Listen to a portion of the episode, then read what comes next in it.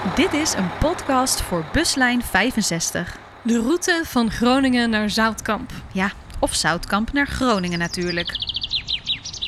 De verdwenen dorpen rondom Winsum. Smalle straatjes. Historische herenboerderijen. Molens. Kerken. Bruggen. En een haventje.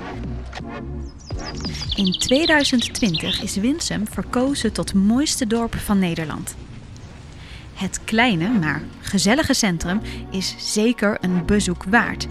Maar als je echt op een spannende ontdekkingstocht wilt, moet je aan de noordelijke kant van Winsum zijn. Daar zijn namelijk langs overwoekerende paadjes en verborgen graven de sporen te vinden van drie verdwenen dorpen: Ranum, Maarhuizen en Klein Maarslag. Verdwenen dorpen. Het klinkt mysterieus, hè? Ja, En dat is het eigenlijk ook wel een beetje. Want hoe zagen die dorpen er ooit uit? wie woonden er? Waarom zijn ze verdwenen? Laten we eerst eens kijken wat er nu nog te vinden is. Want als je goed kijkt en weet waar je moet kijken, kun je nog wel overblijfselen vinden van de dorpen. Bijvoorbeeld Ranum. Dat bestaat tegenwoordig alleen nog uit twee boerderijen en een klein oud kerkhofje. Om het kerkhofje van Ranum te vinden, moet je een stel goede ogen hebben. Het ligt namelijk verscholen in een dicht begroeid bosje in een weiland. Het enige weggetje er naartoe loopt over het erf van de naastgelegen boerderij. Via dit erf kom je door een weiland met grazende koeien bij een oud gietijzeren hek dat toegang biedt tot het kleine kerkhof. Eenmaal door het hek gelopen, wijken de bomen voor een licht en open vierkant. Hier zijn overwoekerende grafstenen te zien, vol prachtige grafsymboliek. De oudste grafzerk stamt uit 1644 en is nog leesbaar. Ook van Maarhuizen en Kleinmaarslag is niet veel meer te vinden. Maarhuizen is tegenwoordig een gehucht dat uit drie boerderijen bestaat. Ook hier vind je alleen nog het oude kerkhof. Tot slot is er het iets westelijker gelegen Kleine Maarslag. Hier staat nog één boerderij en een historisch kerkhofje. Ook Klein Maarslag was vroeger een volwaardig dorp. In de middeleeuwen lag het op een strategische plek doordat de Hunze hier stroomden. Mensen leefden van visvangst en handel en kwamen voor hun gebed naar het kerkje in het dorp. Hier kun je net iets meer vinden dan bij de andere twee verdwenen dorpen. Want hier zijn de contouren van het kerkje zichtbaar gemaakt. En ook zijn de oude grafstenen er nog.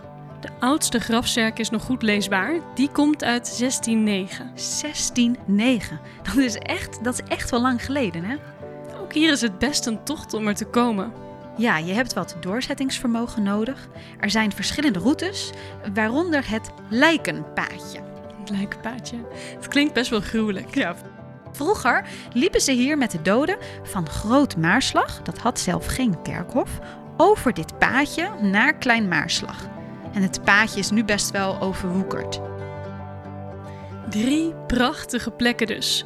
Overblijfselen van wat ooit echte dorpjes waren. Kleine dorpjes, dat wel, maar desalniettemin dorpjes. Waar boeren woonden, kruideniers en bakkers. Waar kinderen elkaar opzochten en samen naar school liepen. Waar de predikant zich door weer en wind naar het middeleeuwse kerkje haastte om de gemeenschap te dienen. Alleen de kerkhoven hebben de tand destijds overleefd. De rest is in de nevelen van de geschiedenis verdwenen. Maar waarom? Dorpen kunnen door allerlei redenen verdwenen zijn. Soms hadden mensen geen keuze en waren ze gedwongen. Denk maar eens aan overstromingen die hele dorpen langs de Groninger kust verzwolgen. Of door oprukkende industrie of alsmaar uitbreidende steden die oude dorpjes opslokten. Maar dat was niet het geval in Ranum, Maarhuizen en Klein Maarslag. Daar kozen de bewoners er zelf voor om weg te trekken. Ontvolking noemen we dat. Zo simpel is het. In de late middeleeuwen werd de Hunze bij Klein Maarslag van dijken voorzien, waardoor het een klein riviertje werd en de handel en visvangst afnam. De inwoners van Klein Maarslag verloren hun strategische positie en woonden opeens in een afgelegen dorpje, aangewezen op de landbouw. Mensen trokken weg op zoek naar betere oorden. En wist je dat een stelletje boze Friesen in 1584 besloot een groot deel van Klein Maarslag in de fik te zetten? Nou ja, dat hielp dus ook niet echt mee.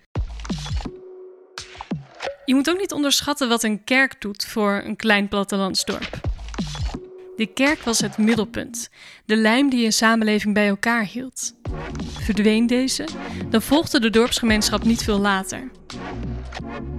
Dat was het geval in Marenhuizen. De parochie werd na de reformatie samengevoegd met onder meer Obergum en Winsum en liep langzaam leeg. De rijke boeren in het dorp werden doopsgezind en daardoor verminderde het financiële draagvlak zo dat het kerkje niet meer onderhouden kon worden. In 1726 werd het kerkgebouw gesloopt.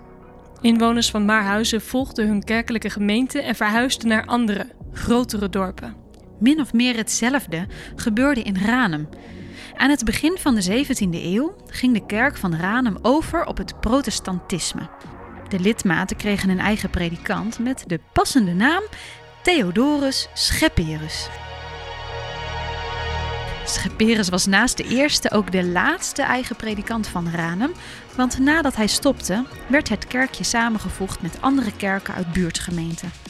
In 1811 was de kerk van Ranum in zo'n slechte staat dat de kerkgangers genoodzaakt waren om naar Obergum te gaan. Niet lang daarna werd de kerk afgebroken. Dus, zin om een spannende ontdekkingstocht te maken? Ga eens kijken met buslijn 65.